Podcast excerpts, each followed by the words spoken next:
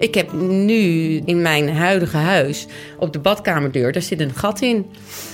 Ja, dat heb ik niet gedaan. Dat heeft mijn, zo nee, dat heeft mijn zoon gedaan, ja.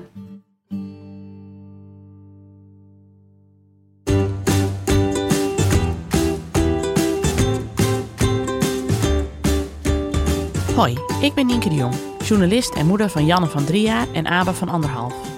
Met mijn vrienden Alex van der Hulst, vader van René van 8 en Jara van 4 jaar, Hanneke Hendricks, moeder van Alma van 3 en producer Anne Jansens, vader van Julius van 3 jaar en Doenja van 5 maanden oud, maak ik Ik Ken Iemand Die.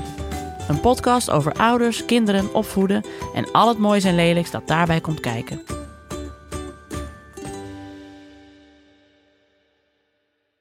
Ja, lieve luisteraar, je bent nu aangekomen bij het laatste deel van onze serie Gezin in Scheiding.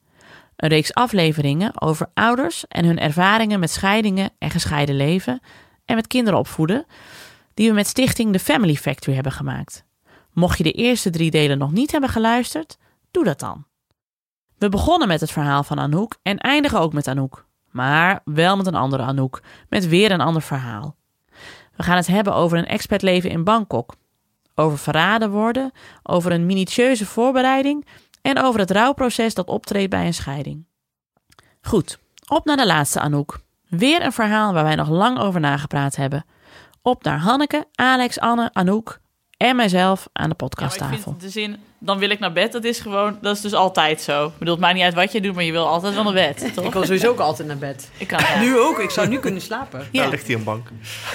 Daar ligt hier een bank. Oh ja, ja. er ligt hier iemand op de bank. Het was wel een heerlijke bank om heel veel Even, even je, je, hebt alles al geprobeerd daarom hier. Wil, daarom wilde jij een eigen kantoor. Dan kun je Ja. gewoon hier, hier gaan Waarom, wat doet Anne in de kelder? Nou ja. Hij, zei dat hij iets ging opnemen. Maar, Mind, eh, mindful aan Zijn het, eigen gesnurk. het was iets met rust, rijden en regelmaat had hij het over. Hij is een meditatiepodcast begonnen. Het gaat goed. ja, het gaat goed met de medicatiepodcast. Medicatie. medicatie. Je merkt, je bent de laatste. Ja, Gaat De goed. medicatie. ja ik ben heel benieuwd. Ja. Ja, nee, het is goed. Draaien we? Lopen we? Running. Eh, Are we running? we draaien en we lopen. Eh, Anouk, eh, hoeveel kinderen heb je? Twee. Twee. jongens. Hoe oud zijn ze inmiddels? Nu, ze zijn nu eh 20 en 17. En eh, hoe lang, eh, wanneer ben je gescheiden? Ik ben eh, gescheiden terwijl ik in Bangkok woonde. Ehm, en ik ben in 2011 teruggekeerd naar Nederland met mijn jongens. dus dat is eh, acht jaar geleden. Eh, nog wel een jaar gescheiden al in Bangkok, een schooljaar eh, eh, gewoond. Dus ja, pak een beetje tien jaar, Oh, tien ja. jaar geleden. En jullie, waren, jullie wonen in Bangkok voor Ja. werk. Ja, Klopt. hebben jullie daar lang gewoond?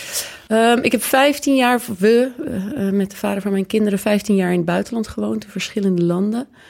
Voor zijn carrière, dat noem je een expat bestaan, een eh, corporate eh, leven. En eh, Bangkok is het eindstation eh, geweest. En ehm, hoe lang waren jullie al bij elkaar voordat jullie gingen scheiden? Dus We zijn 15 eh 17 jaar samen geweest, Mhm. waarvan 15 jaar getrouwd en 15 jaar in het buitenland. Dus je hele getrouwde leven... Ja, zo goed als het viel eigenlijk samen. Dat was niet zo de Ja. bedoeling, maar we gingen trouwen en toen werd hij geheadhunt om naar het buitenland te gaan. Dus dat viel eigenlijk. eh, oh, wij gingen naar. Ons eerste land was Saoedi-Arabië. Nou, En daar moet je voor getrouwd zijn om daar in ieder geval Oh. als eh eh, spouse van eh, binnen te mogen, mee te mogen. En dat viel eigenlijk per ongeluk samen. Ja. En toen je dus ging scheiden, waren de kinderen tien en acht zo grofweg? Ja, toen het, eh, toen het eh, zich aandiende. Want er liep een derde persoon in mijn huwelijk rond. Daar kwam ik achter. Ah.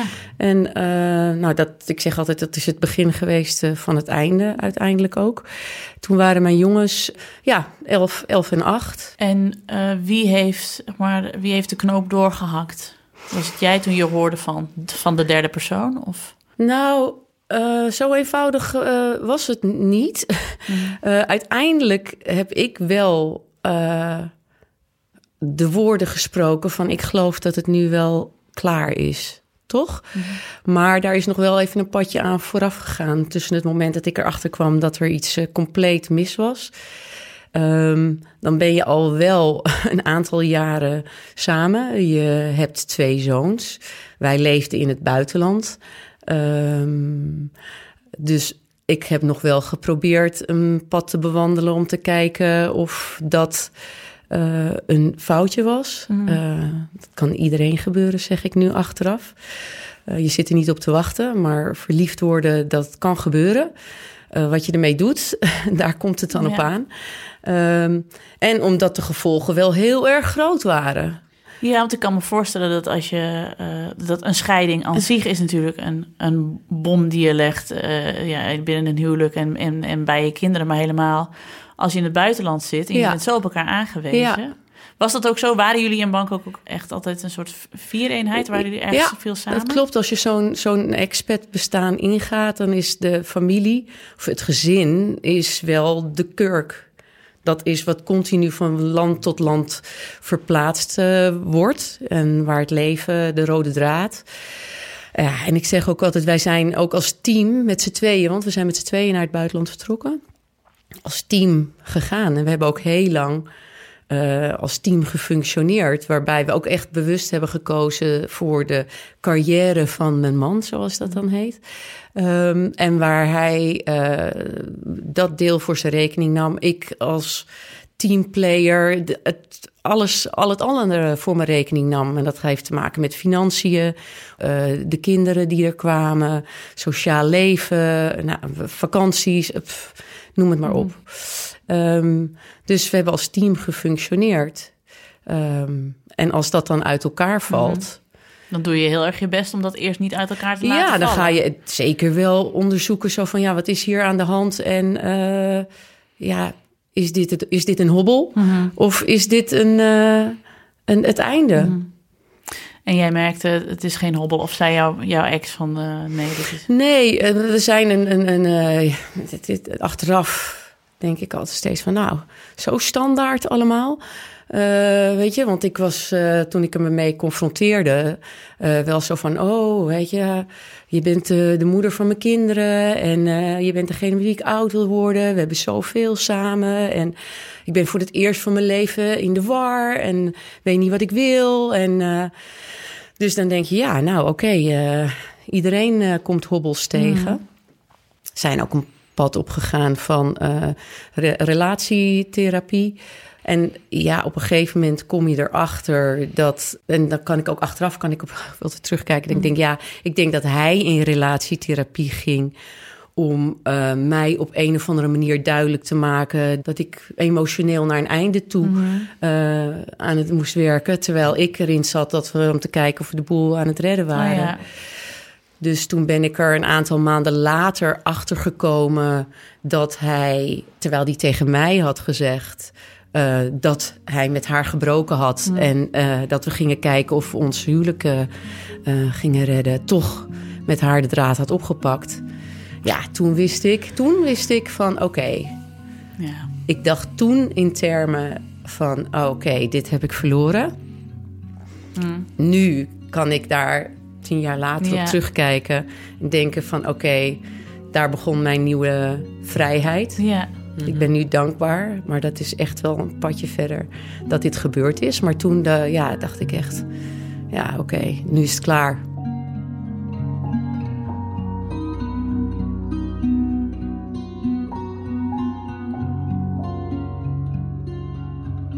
Ja, want wist jij toen ook meteen van... oké, als wij uit elkaar gaan, eh, dan ga ik terug naar Nederland? Nee, nee, zover was ik helemaal nog niet. Het is echt wel een proces. Hoe gaat zo'n pro gaat het Ja, proces? ja het- ik, ik, ik dacht toen echt in termen van ver- ver- verloren, verliezen. Van wat, wat eh, eh, ja, raak ik allemaal kwijt?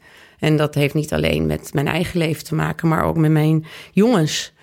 Eh, het verdriet waarvan kijkend naar je jongens die buiten op straat spelen en denken: Oh, mijn god, jullie leven staat zo te veranderen. Je hebt het nog niet in de gaten, je weet het nog niet. Zat, zat er een lange tijd tussen dat jullie eigenlijk al wisten van... we gaan uit elkaar en, en we vertellen het de kinderen? Nou, er zit zelfs nog een stapje voor. Want op het moment dat ik eh, me realiseerde van dit is klaar, toen ehm, eh, heb ik een aantal belangrijke beslissingen genomen. Ik ben een professioneel coach en ik had toen ook al mijn coachingsopleiding eh, op zak.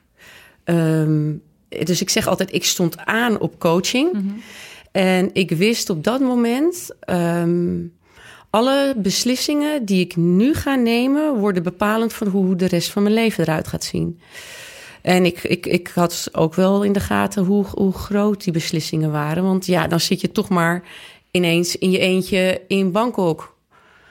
Ehm, dus ik heb onmiddellijk één op één eh, een van de mastercoaches ingehuurd die aan de, aan de basis stonden van mijn professionele opleiding.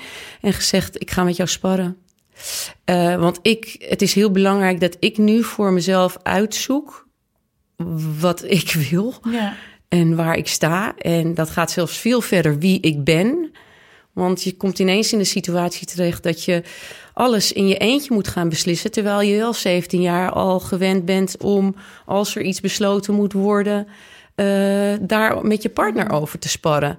Maar juist diegene met wie je gewend bent te sparren, zeker in een expat-situatie waar je heel, heel eh, als team werkt, die persoon, daar kan je niet meer bij terecht. Dus dat is wel een hele belangrijke beslissing geweest. Dus ik heb mezelf de tijd gegund ook, want ik heb toen niet tegen mijn ex verteld wat ik wist. Oh ja. Oh, wacht. Ja. Dus hij wist nog van niks en jij was eigenlijk met die coach je pad voor de toekomst aan het Ik uitstippelen. ben, ja, ik, ik- hij wist niet dat ik wist dat hij. nu een beetje er heel, even mee thuis? heel ingewikkeld. Maar ik heb voor mezelf, mezelf de tijd gegund om eerst voor mezelf op een rijtje te zetten. Ja, wat, waar, wat ik nu wilde. En daar is nog weer een paar maanden overheen gegaan. Tot het moment waar we eerder over hadden dat ik tegen hem gezegd ben, heb van oké, ik geloof dat het klaar is. Hè? Ja. Want Dus jij, dacht toen? van, ik moet op dat moment het hele plan klaar hebben liggen van wat je wil, wat je gaat doen. Ja, want ik, ja, dan, dan, dan zit je in de situatie dat je nou ja, je carrière hebt opgegeven. Je zit in het buitenland. We hadden thuis hui- geen huis. Mhm. eh, je hebt je, je netwerk. Ik had nog best nog natuurlijk vrienden en familie. Maar het was echt, je gaat wel overnieuw beginnen. En het begon al alleen, waar, waar ga ik wonen? Als je 15 jaar in het buitenland hebt gewoond, ja, ik bedoel, nu nog, ik kan overal wonen. Maar ja, Mhm. als je ergens opnieuw moet beginnen, eh, want zo voelde dat ook echt wel. Ja, daar heb ik mezelf wel de tijd voor gegeven om dat Maar even te bedenken. Wat, wat een rare paar maanden moeten dat zijn geweest. Zeker Heel. omdat je daar met, met weinig mensen over praat dan. Ja, heel. Dat Ja. heb ik ook. eh, eh, mijn jongens wisten het uiteraard nog niet, Nee. want mijn ex wist het nog niet eens. Ehm, dat, dat, dat is alleen mijn, mijn broers, die er op een andere plek in de wereld, in Nederland en in Amerika woonden. Die wist, heb ik op een gegeven moment verteld van, nou, ik laat je even weten, dit is wat er speelt. Hm. Ehm, twee goede vriendinnen in Bangkok, die wisten het. En ehm, ik heb eigenlijk ook pas thuis, of thuis, wat dan thuis is, hè, Nederland, eh, verteld wat er aan de hand was toen ik daar klaar voor was. En eh, hoe reageerde jouw eh, ex toen je zei van dit, dit was het? Ja, ik denk opgelucht. Mhm. Want toen ik zei van, nou, het is wel klaar hoor, toen zei hij ook, ja, ja, ja, ja. Oh ja. En, en, en, hoe hebben jullie het de kinderen verteld?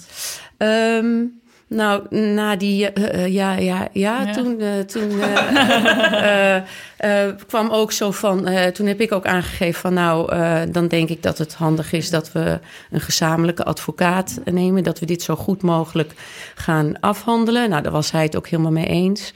Eh, ik, had al, ik heb alles uitgezocht in die periode. Ik was echt helemaal klaar. Ik was helemaal voorbereid. En zou je dat andere mensen aanraden? Van tevoren je gewoon professionele hulp Ja. bijna inhuren om te gaan bedenken wat je zelf nou eigenlijk wil? Ja. Ja? Ja, want fast forward naar nu. Ik ben een professioneel coach en ik ben teruggegaan naar Nederland, mijn eigen coachingbedrijf opgericht. Ik ben business coaching gaan doen, ondernemers gaan coachen, maar er kwamen al heel snel werden er mensen mijn kant op gestuurd. Die zeiden van, oh, nou ja, hey, Anouk is en een professioneel opgeleide coach en ze heeft een complexe scheiding meegemaakt. Eh, misschien moet je eens met haar gaan praten. Dus dat kwam op mijn pad. En inmiddels, nu heb ik een, zelfs een coachingsopleiding of coachingsprogramma geschreven voor mensen die de scheiding ingaan. Want ja, ik weet, aan de lijf heb ik ondervonden wat het een uh, complex proces is wat je ingaat. Waarbij er ongelooflijk praktische beslissingen genomen moeten worden. Terwijl je in een gigantische emotionele rollercoaster zit. En dat is best wel uh, moeilijk verenigbaar soms. En um, ik heb ook aan de lijf ondervonden wat het met mij heeft gedaan om uh, daarin professioneel begeleid te worden. Ja. En een van die dingen uh, die ik ook inderdaad uitspreek, is als je realiseert, uh, als je er alles aan hebt gedaan om je relatie te redden. Want laat, laten we wel wezen, het is natuurlijk altijd fijner als je het redt met z'n tweeën. Ja. Maar dat uh, is niet altijd het geval. Ik weet dat er 33.000 scheidingen per jaar zijn. Nou, daar komen iets van 2000 officieel geregistreerde samenlevingscontracten bij. Nou, dan heb ik nog niet eens over iedereen die het helemaal niets geregeld heeft. Mm. Het, is, het gebeurt nogal vaak. Dus dan zeg ik nu uh, preparation, preparation, preparation. Mm. En wat opvoeden betreft, wat, hoe kun je je daarop voorbereiden? Als je een scheiding ingaat? Ja, niet. Nee, niet, nee. Nee, ja, natuurlijk ook preparation, preparation. Maar uh, uh, niemand is er op dat moment, denk ik, op voorbereid wat er gebeurt als de kogel daadwerkelijk door de kerk gaat. Uh, en waarbij het ook echt op tafel ligt: oké, we gaan nu concreet uit elkaar. Um, ik, ik ben een voorstander, ik geloof in lifelong learning. Dus dat betekent dat je altijd blijft leren, altijd blijft groeien. Um, en dat is denk ik ook de uitdaging van een relatie. Als er twee mensen zijn waarvan je eruit gaat dat ze altijd blijven leren, altijd blijven ontwikkelen, altijd blijven groeien en dus ook blijven veranderen, dan is het de kunst om aangehaakt te blijven bij elkaar. Um, dat is wat een relatie maakt of breekt. Um, en als je dan daadwerkelijk uit elkaar komt te liggen, dan groei je ook steeds verder uit elkaar. Ja. Als je eenmaal die connectie kwijt bent, dan ja. is het moeilijk om hem weer bij elkaar te krijgen, zeg je? Nou, ik zeg niet dat het mogelijk is, maar als je echt de knoop doorhakt mm. van we gaan uit elkaar, dan uh, A, moet je dan met z'n twee, kom je nou tegenover elkaar te staan, dat, dat gaat een beetje heel ver, maar om, dan, dan moet je het met elkaar zien uit te vogelen hoe je alles wat je samen hebt gecreëerd uit elkaar gaat rafelen. En dan krijg je toch ook te maken met wat is van jou, wat is van mij. Uh, nou, ga er maar eens aan staan. En um, nou ja, als ik even op mezelf spreek, dat is dan het handigst. Maar um, je gaat een eigen pad weer in. Ik ben mezelf opnieuw, volledig opnieuw gaan uitvinden mm. van wie ik ben. En wie ik nou eigenlijk was en waar ik voor sta. En ja, ik kan wel zeggen dat, dat, dat mijn ex en ik daardoor ja, ook nog weer verder uit elkaar zijn komen mhm. te liggen in de jaren na de scheiding. Ja. Want was jij jezelf ook kwijtgeraakt in het huwelijk als je er nu op terugkijkt? Of? Ja, als ik er zo nu op terugkijk, denk ik wel. Ik, ben, ik sta nu dichter bij mezelf dan, uh, denk ik, in de laatste fase van uh, mijn huwelijk. Ja. Maar je hebt toen heel lang nagedacht over wat wil ik dan hmm. en hoe ga, hoe ga ik dit plannen. Ja. En uh, uh, kon je daar ook op een gegeven moment dan met je kinderen over nadenken? Nee. Waren die te jong toen? Die waren te jong. Hoe oud waren ze toen ook weer? Uh, nou, 12 en 9 toen ik naar Nederland kwam. Dus oh, pakken met 11. Ja, ja, nee, en ik vind dat dat niet de rol is van de kinderen. Nee, maar hoe heb je het ze dan verteld? Ja, nou, we hebben dus uh, uh, ongeveer... We hebben elkaar eh, de tijd gegeven om met z'n tweeën met een advocaat aan de slag te gaan... en hebben heel bewust voor gekozen om het hun samen te vertellen. Want ze hebben niks gemerkt dat er iets speelde? Nou, dat, dat kan ik niet met 100% zekerheid zeggen, want ik heb... Ik zat, je zit in een emotionele rollercoaster, dus ik denk dat ik best wel ehm, ze hebben ook nooit laten Niet helemaal mezelf. Van, uh, nee, nee, nee, Ik denk dat we het wel goed gedaan hebben. qua qua uh, masker opzetten. Mm. Um, en ik vind ook zelf dat we het goed gedaan hebben. We, we hebben toen, dat kan ik ook aanraden, om, om het hun... Met z'n tweeën hebben we het ze verteld. Thuis? Nee, we zijn, wij zijn met een weekend. We woonden dus in Bangkok. We zijn een weekend naar Phuket gegaan. Een lang weekend. En heel, wat, wat we wel vaker deden. Uh, maar uh, hebben het Die tijdens eten. Vakantie, ja, ja, ja, wel heel schrijnend. Maar ja. ja. maar wel in een, in een hele ja, gezinssituatie. En ook duidelijk gemaakt dat, ja, dat, het, dat het verdrietig is. Maar ja. dat wij wel voor de rest van ons leven hun vader en moeder zullen blijven. Ja. En hoe ging dat, hoe ging dat moment? Mm, ja, verdrietig. Verdrietig. Pijnlijk. Ik vind dat ook nog steeds wel een van de moeilijkste momenten om op terug te kijken. Dat je je kinderen gaat vertellen dat hun basis verbroken wordt. Uh, alles wat zij kennen, uh, wat hun vertrouwd is, wat, wat hun basis is. Uh, het tapijt onder hun voeten vandaan trekt. Ja. Maar moest je ook is... zeggen, pak je koffers, we gaan naar Nederland? Nee, want oh. dat is een van de beslissingen die ik heb genomen aan de hand van het sparren uh, met, met mijn coach. Ik heb toen, uh, want een expat bestaan, dan blijf je ongeveer drie jaar in een land. Het, het, het, varieert wel eens, maar pak een beetje gemiddeld. Dus mijn ex die stond ook op de nominatie om weer naar een ander land te gaan. Maar je weet dan nog helemaal niet waarheen. Dus dat is een, al, in een, een onrustige periode of onduidelijke periode. En in deze setting helemaal. En ik wist ook, uh, want de beslissing kwam, dat was in, in, in januari, van, dat ik zei van het is klaar. Um, ik wist ook dat als ik uh, terug zou gaan naar Nederland, of als ik dat drastisch radicaal had besloten, dat ik dan mijn jongens bij hun vader weg zou trekken ook. Ja. En dat is wel iets wat ik, dat, dat, dat kon ik gewoon niet. Dat zag ik helemaal niet. Dat kon ik gewoon niet. Dat vond ik gewoon te veel. Het feit dat we gingen scheiden, vond ik al een ding om bij hun uh, neer te leggen. En uh, hun, hun vader ontnemen, dat vond ik al helemaal een, dat niet, ja. niet te doen. Dus ik heb toen uh, voor mezelf de beslissing genomen, omdat ik het eerst voor mezelf allemaal op een rijtje heb gezet. Heb tegen mijn ex gezegd van oké, okay, ik ben bereid om nog een schooljaar want je denkt in schooljaren met kinderen, toch? Mm. Um, schooljaar met de jongens in Bangkok te blijven. Um, dan kunnen we, we zien uh, waar jij naartoe gaat qua land. En, maar dan hebben we ook de tijd om in omstandigheden die voor ons thuis waren. Want mijn, we woonden toen drie jaar, mijn jongste was uh, vijf toen we naar Bangkok verhuisden. Ja, vier. Weet je, dat is alles wat hij kende. Ja, dat was zijn thuis. Dat was ja. zijn thuis. Dan kunnen we daar uh, wennen aan de situatie. Maar zomer 2011 gaan ik en die jongens naar Nederland. Ongeacht waar hij naartoe zou gaan, zeg maar. Ja. Ja. Want wat ik had voor mezelf besloten, dat wilde ik uh, een nieuw leven voor mezelf kunnen creëren.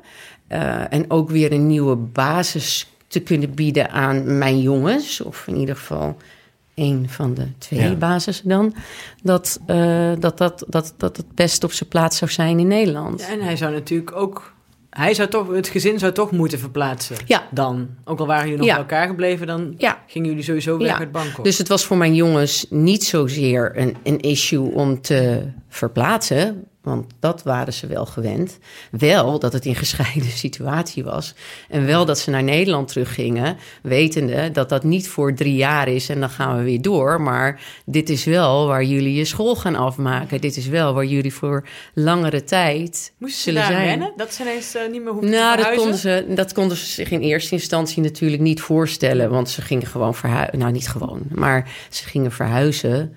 En dan... Uh, ja, komt later aan de orde van, uh, ja, wacht even voor. Ik zou toch maar met deze leraar een beetje door de bocht kunnen. Ja. Want, uh, Over drie hè? jaar is hij er nog steeds. Ja, weet je, dat, dat, er gaan andere dynamieken ja. spelen. Ja, maar op dat moment konden ze zich dat niet realiseren. En nee. het was ook, ja, ik denk dat zij meer bezig waren inderdaad. Wennen aan uh, dat papa en mama uit elkaar waren. En het dan het wel, verplaatsen van land. Het was wel van meet af aan duidelijk dat de kinderen bij jou zouden blijven. Uh, nou, nee, want we, we hadden wel de intentie co-ouderschap. En, en, en de grap is wel dat op het moment dat je goed voorbereidt wat je zelf wil, Uh, en ik dus aangaf van ik ga over 2011 ga ik met de jongens naar Nederland. Dat dat bij mijn ex ook iets aanzette. Zo van oh oké. En hij heeft toen een beslissing genomen om bij het bedrijf waar hij werkte. Um, hij heeft er nog wel een draai aan gegeven, maar gezegd van oké, okay, Anouk en de jongens, uh, de jongens zijn Nederlands, ze hebben een Nederlands paspoort, maar hebben nog nooit van hun leven in Nederland gewoond. Uh, Anouk en ik zijn van mening dat het goed is, opa en oma leven nog, uh, familie leeft nog, dat zij wat wortels creëren in Nederland. Dus we, we hebben besloten oh ja. dat Anouk en de jongens naar Nederland gaan voor een bepaalde tijd. Uh, dus ik wil vragen om mijn uh, next, mijn next, next posting, heet dat dan, uh, naar Europa. Het liefst in de buurt, zo dicht mogelijk in de buurt van Nederland. En toen hij dat op tafel legde bij zijn bedrijf, zei het bedrijf: Oh, dat is grappig. Want wij staan eigenlijk op het punt om Nederland te moeten vervangen. nee. Oh. Dat is toch altijd zo typisch. Dus ik zeg altijd, nou, the universe works in mysterious ja, ways. Precies, ja. Uh, ja, Goed. ja nou, je kan er een graf van maken over de universe. Maar ik, ik zeg dus altijd preparation, preparation. Mhm. Als ik, ik ben aan het stuur gaan zitten van mijn eigen verhaal. Mm. Ik heb ben teruggegaan. Wie ben ik? Wat wil ik? Wat is het beste voor mij? Wat is het beste voor mijn jongens? En zo zie ik dat.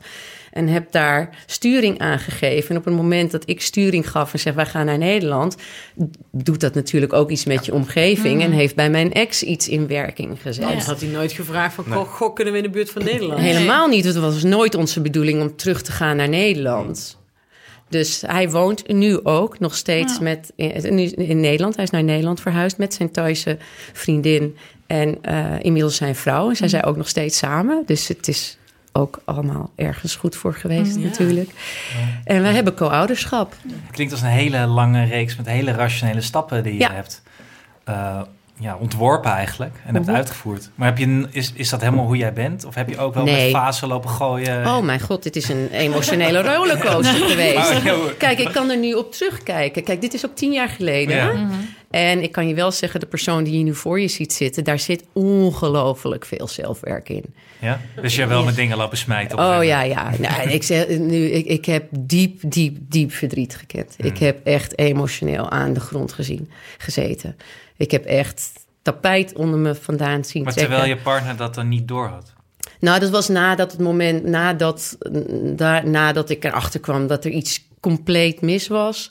Dat was in de periode dat we aan onze relatie aan het werken waren. Dan heb je ook op een gegeven moment merk je, je merkt natuurlijk wel dat iemand koud blijft en dat je denkt. Uh, afstandelijk. Ja, ja, afwezig. Dat je niet echt connected en de connectie ook niet meer echt vindt. En op het moment dat ik wist, dit is klaar. En hij het nog niet wist, in die maanden dat ik eh, heb geprobeerd dingen voor mezelf op een rijtje te zetten. Nou, ik denk, ik geloof wel dat ik 10 kilo ben afgevallen mm. ook. Dus ja, daar zit wel heel, heel diep, diep verdriet. En hoe ging dat toen jullie terugkwamen naar Nederland? Uh, dan zoek je allebei een, een huis en probeer je een, een, omgangsregeling vorm te geven. Hebben jullie toen veel op papier moeten zetten? Heel veel. Want dit is, was een complexe scheiding. We hebben, hem, we hebben het eigenlijk uh, allemaal voor onszelf op een rijtje gezet. In het jaar dat we nog in Bangkok woonden. Wel met de Nederlandse advocaten. Um, hele goede advocaten. Wat, niet onbelangrijk. Maakte er, wat, maakte er, wat maakte er goed? Wat, maar die was eh, dan niet alleen zakelijk goed. Die was dan ook een soort. was mediator. een mediator, opgeleid als ah, mediator. dus die niet alleen uh, uh, familierecht, advocaat heet dat geloof ik, maar ook opgeleid mediator, waarbij je dus in staat bent om als één advocaat te functioneren om twee partijen naar de rechtbank te brengen. Mm -hmm. En dan heb je ook wel coaching skills nodig. Ja, mm. dat klopt. Want wat maakt het dat, het dat het redelijk soepel is gegaan? Waarvan zeg je nu achteraf van dat hebben wij echt goed aangepakt met z'n ja, tweeën? Nou, ik denk wel dat uh, mijn ex ook nog wel heel erg in de schuldfase uh, zat. En ook wel ook toen zat, zat van ja, weet je, je bent de moeder van mijn kinderen en ik ga je goed achterlaten. En dit wat we hebben opgebouwd, dat hebben we samen opgebouwd en dat gaan we ook samen verdelen. Hebben we ook gedaan. Nu achteraf uh, denk ik, uh, het is hem denk ik later zwaarder gevonden, uh, gevallen mm. dan toen. Want hij, ja, hij deelde nog steeds met het feit dat hij dat die, nou ja, partneralimentatie, kinderalimentatie dat we nog steeds financieel aan elkaar verbonden zijn. Hij heeft in het begin veel toegegeven uit schuld? Nee, hij heeft niet veel toegegeven. Want ik durf oprecht, met hand op hart durf ik ook te zeggen... we hebben dat eerlijk gedaan. Mm maar uh, ja, de, de gevolgen ik, ik, zijn groot. En ik zal nooit vergeten dat de, de, de, relatietherapeut eh, waarmee wij werkten... we zijn eerst met z'n twee bij haar gegaan. Op een gegeven moment komt er ook een gesprek. En op een gegeven moment uh, in je eentje, individueel... dat zij individueel met je spreekt. Uh, op een gegeven moment bleek ik alleen nog maar met haar te praten... Mm -hmm. maar toen kwam ook ter sprake dat ze zei: ik, ik ga iets bij jou neerleggen. En dat klinkt misschien een beetje raar, maar ik ga het toch doen. Um, uh, in een scheidingsgeval, dan uh, mannen halen een groot deel van hun. Er zitten hier twee mannen aan tafel, die kijken mij nu aan. Een groot deel van hun identiteit halen ze uit wat zij waard zijn en wat zij financieel uh, brengen. En daar ga jij aankomen. jij, jij gaat daar 50% van afsnoepen. Dus jij komt niet alleen. Het is niet alleen een financieel verhaal, maar als je hem mentaal doortrekt, ga jij 50% van wat hij waard is uh, afnemen. Dit vinden de mannen hier aan tafel denk ik niet heel herkenbaar. Nee, maar... nee nou, het is misschien wel of niet, maar ik toen dacht... Ja, ja. ik dacht, nu zo nou, geld. Ik, ja, ik dacht... Geld. Ben, ik, ben ik iets waard? Maar, maar, maar en toen... Ja, en nou, ik dacht toen, ik toen dacht, nou, nou, dat gaan wij gewoon... Dat, dat heeft hij Maar niet. ik nu achteraf denk ik wel nog steeds, ja... Uh, ik denk best wel dat hem dat pijn heeft mm. gedaan. En dat snap ik ook wel. Ja. Ja. Ja. Ik zit even over. Ik ben ook Ja, ja. Of, of, ja, of, ja aan, de andere, aan de andere kant is die natuurlijk wel veel bezig geweest, denk ik dan, om geld te verdienen, ook voor zijn kinderen en voor jou. En, nou, niet jij voor mij. Jaar, nee, jij hebt jarenlang uh, in jouw leven heeft jarenlang in het teken gestaan van waar hij zijn geld nou, verdiende. Dus ja. dat, dat, dat, daarom, want ik krijg dus alimentatie en ik zit nog in de regeling, die gaat nu veranderen van 12 jaar alimentatie. Um, en ik heb ook wel, maar dat had ik dus ook voor mezelf ook al echt wel op een rijtje gezet. We zijn 15 jaar met z'n tweeën in het buitenland geweest. En zijn carrière is echt skyrocket high geweest. Mm. Ik heb altijd zoiets van, ja, ik heb 15 jaar geïnvesteerd in jouw carrière. Ja. Uh, dat jij mijn 12 jaar alimentatie uh, betaalt. Mm. Uh, ja, is jouw investering terug in um, de nieuwe carrière die ik voor mezelf mm. nu heb gecreëerd. Yeah.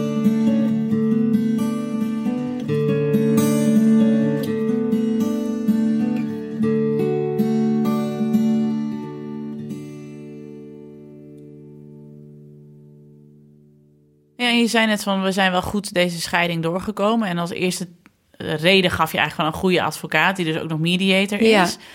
Heb, je, heb je nog meer tips? Waarvan, waar zou je nog meer zeggen van, dat hebben wij in die, die, die tijd goed gedaan? Bijvoorbeeld met de kinderen. Ja, nou, dat, dat is de, de, samen de kinderen verteld. Um, uh, ja, ik, ik, ik, blijf zeggen, doe, doe je huiswerk. Als je, als je goed wil scheiden en als je dus ook een goede gesprekspartner wilt blijven in die scheiding, dan is het toch echt wel heel erg belangrijk dat je voor jezelf op een rijtje zet wat nu voor jou belangrijk is. En dat zit hem niet alleen in het huis, wie blijft er in het huis wonen, maar ook uh, ja, de, de kinderen. Uh, Ehm, hoe gaan we met elkaar om? Hoe gaan we met elkaar om? Hoe gaan we om met school? Uh, hoe gaan we om met familie? Uh, verjaardagen van familie. We hebben echt wel heel veel in het convenant, heel veel dingen um, ook, ook vastgelegd. En niet omdat dat dan vastgelegd is, maar omdat ik wel denk dat het je helpt om duidelijkheid te creëren en de neuzen dezelfde kant op te hebben. En heeft dat ook rust gebracht bij jullie kinderen? Dat jullie zo, eh, wat dat betreft, één lijn hebben getrokken? Mm, ja, dat denk ik wel. Op zekere hoogte wel.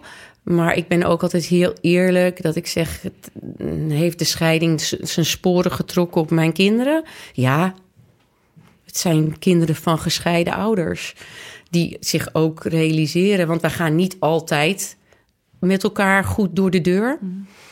We zijn ook niet voor niets gescheiden. We, we kijken ook heel anders op dit moment tegen het leven aan.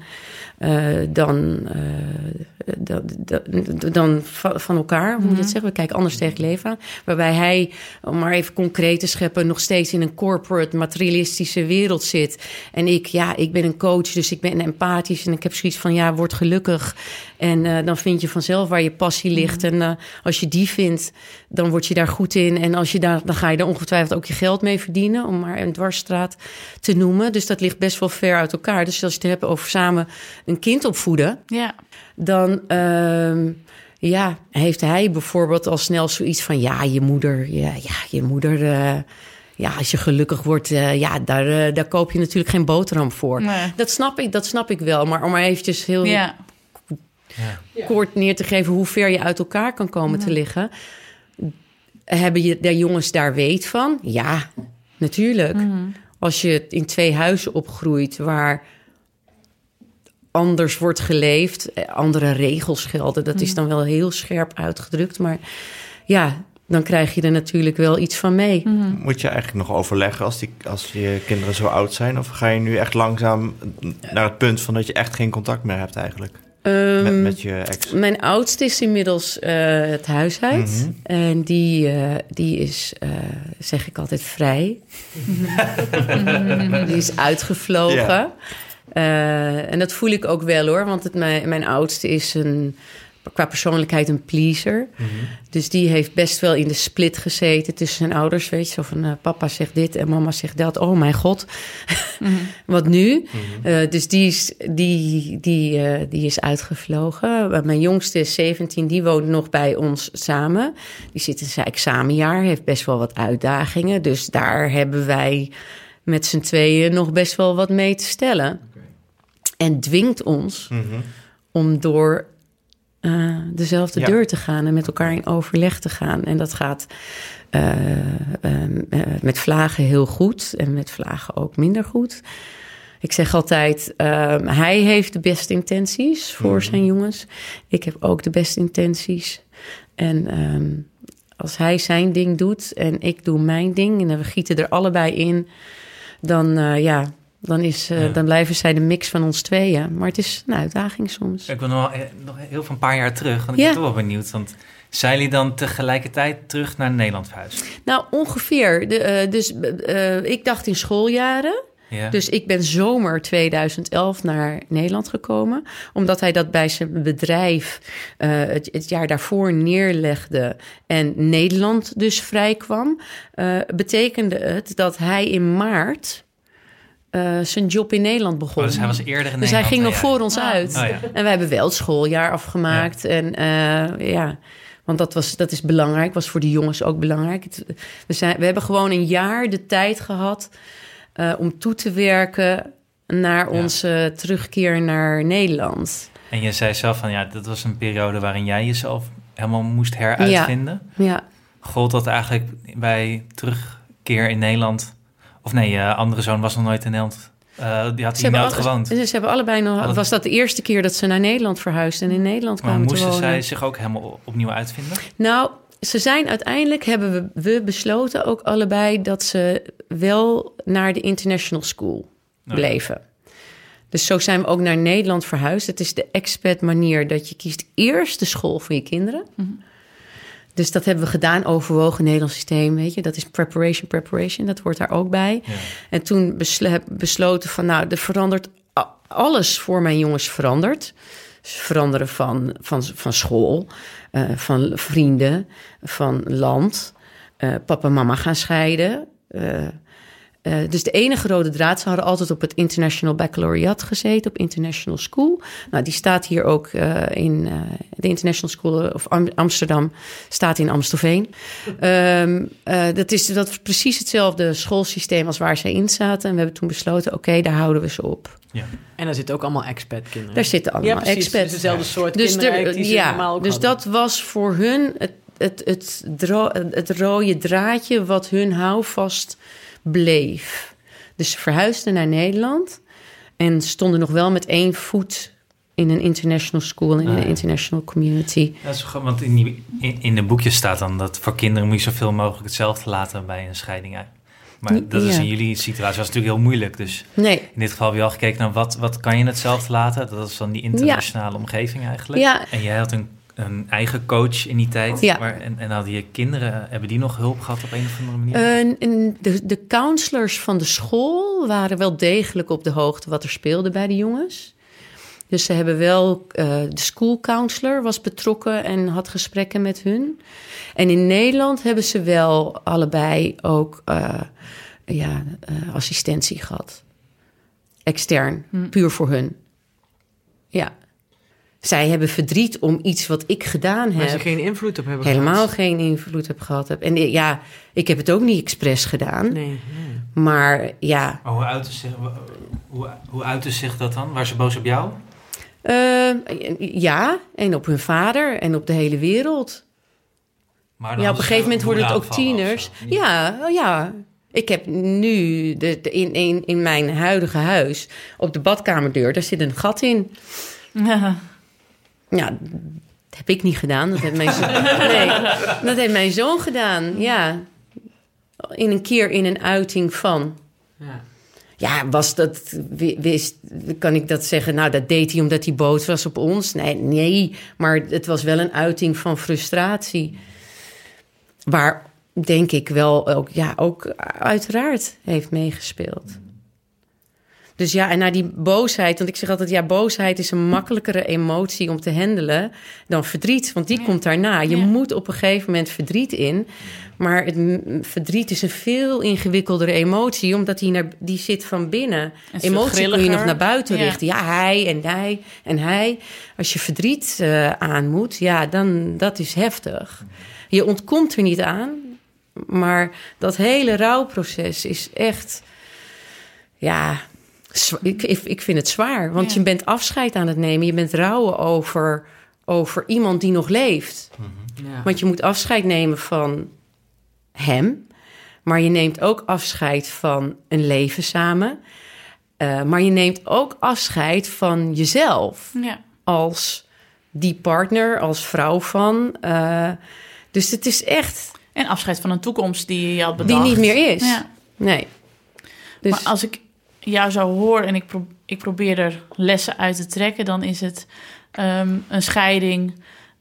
Je, de, de perfecte scheiding bestaat natuurlijk niet, maar als je tijd en aandacht houdt voor het proces en voor jezelf en duidelijk uh, bepaalt waar jij ook zelf naartoe wil en wat je, wat je zelf nodig hebt en wat je, wat je gezin nodig heeft, dat je dan de boel beter kunt sturen. Dat je het misschien dan beter in de hand hebt. Dat je het minder overvalt. Of, uh... Ja, om, omdat ik denk dat als je... En, en dan heb je ik heb het over ja, even liefde naar jezelf. Dus jezelf in ere houden. Dat je dan gaat bedenken van wat is nu belangrijk voor mij. Dat je A, aan het stuur gaat zitten dus van je eigen verhaal. Maar dat dat je deels ook in je kracht zet. En ik denk dat je dan dan ja, er, er sterker doorheen gaat dan als je in machteloosheid blijft zitten en dingen dat je uh, rea reactief uh, het proces mm -hmm. ingaat. Um, en ik denk dat als je heel goed voor jezelf zorgt, dat je ook beter kunt zorgen voor bijvoorbeeld je kinderen. Want iedereen zegt altijd van ja, nee, we doen het voor de kinderen. We gaan het goed doen voor de kinderen. Mm. Dan denk ik, oh, uh, wacht even hoor. Straks verlies je jezelf weer of zo. Ja, ja ik, ik ben echt van mening, je moet heel erg goed voor jezelf zorgen. En dat niet onderschatten, want dat is hoe je kunt blijven staan of weer gaat staan, waardoor je ook ja, krachtiger bent voor je kinderen. Ja, hm. ik, ik, ik snap echt wel dat het allemaal heel erg beschouwend en praktisch klinkt. Maar dat komt omdat, ja, jullie spreken me terwijl het uh, tien jaar geleden ja. is. En um, uh, dus ik kan erop terugkijken. Nou, en ik denk dat mensen die er nu middenin zitten daar best wel wat aan hebben. Mm -hmm. Je geeft ze toch ook weer licht aan het einde van de tunnel. Ja, absoluut. Ja, nou, dat zeg ik altijd, kijk naar mij. Ja. Echt, ik, ben echt, ik ben er krachtig uit tevoorschijn gekomen. En ik ben echt dankbaar voor het nieuwe leven wat ik heb gecreëerd. Ik zeg wel eens grappig, ja, ik ben begonnen aan een tweede leven. En dat is ook zo. En dat kan. Zolang preparation, preparation, preparation. ja. ja. ja. Kijk. Vind, vind ik een mooi einde. Ja, ik vind het ook wel een goede... Ja, Ja. het is echt... eh, Dankjewel, Ja, dat klinkt misschien ook een beetje flauw, maar ik, dat, eh, ik, als mensen er hulp bij willen, want je moet wel zelf willen, ja, d- kom bij mij. Want Ja. echt, ik weet zeker, ik weet zeker dat ik mensen in hun kracht kan zetten, waardoor ze er makkelijker, eh, niet makkelijker, makkelijker is het echt helemaal niet, maar er misschien wel iets eh, gelijkmatiger doorheen komen.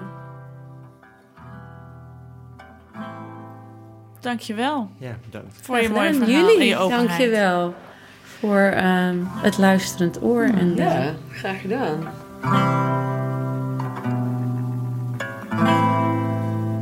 Het verhaal van Anouk leerde ons dat de tijd nemen om de scheiding af te handelen veel rust kan geven.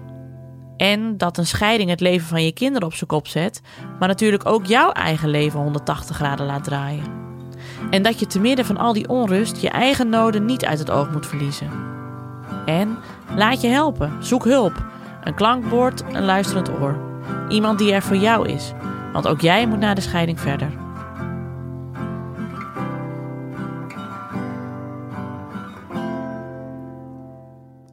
Ik heb na afloop van de opnamedag nog heel lang nagedacht over deze gesprekken.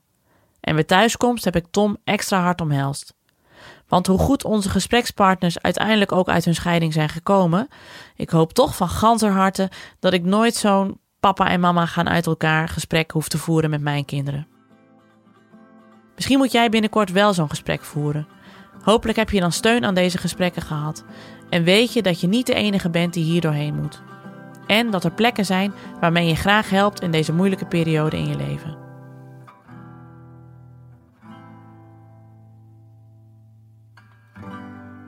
Deze podcast maakten we samen met de Family Factory.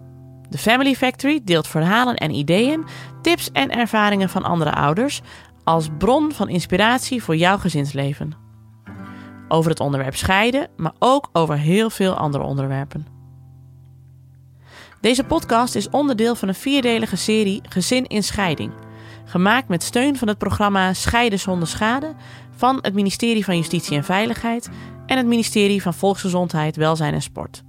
In partnerschap met de Vereniging van Nederlandse Gemeenten. Meer portretten en tips van gescheiden ouders vind je op www.familyfactory.nu slash gezin-in-scheiding. De link vind je ook in onze show notes.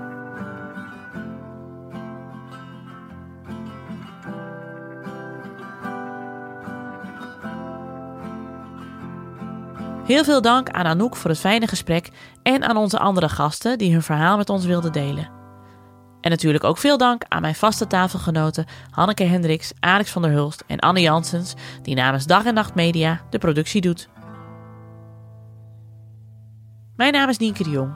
Tot de volgende!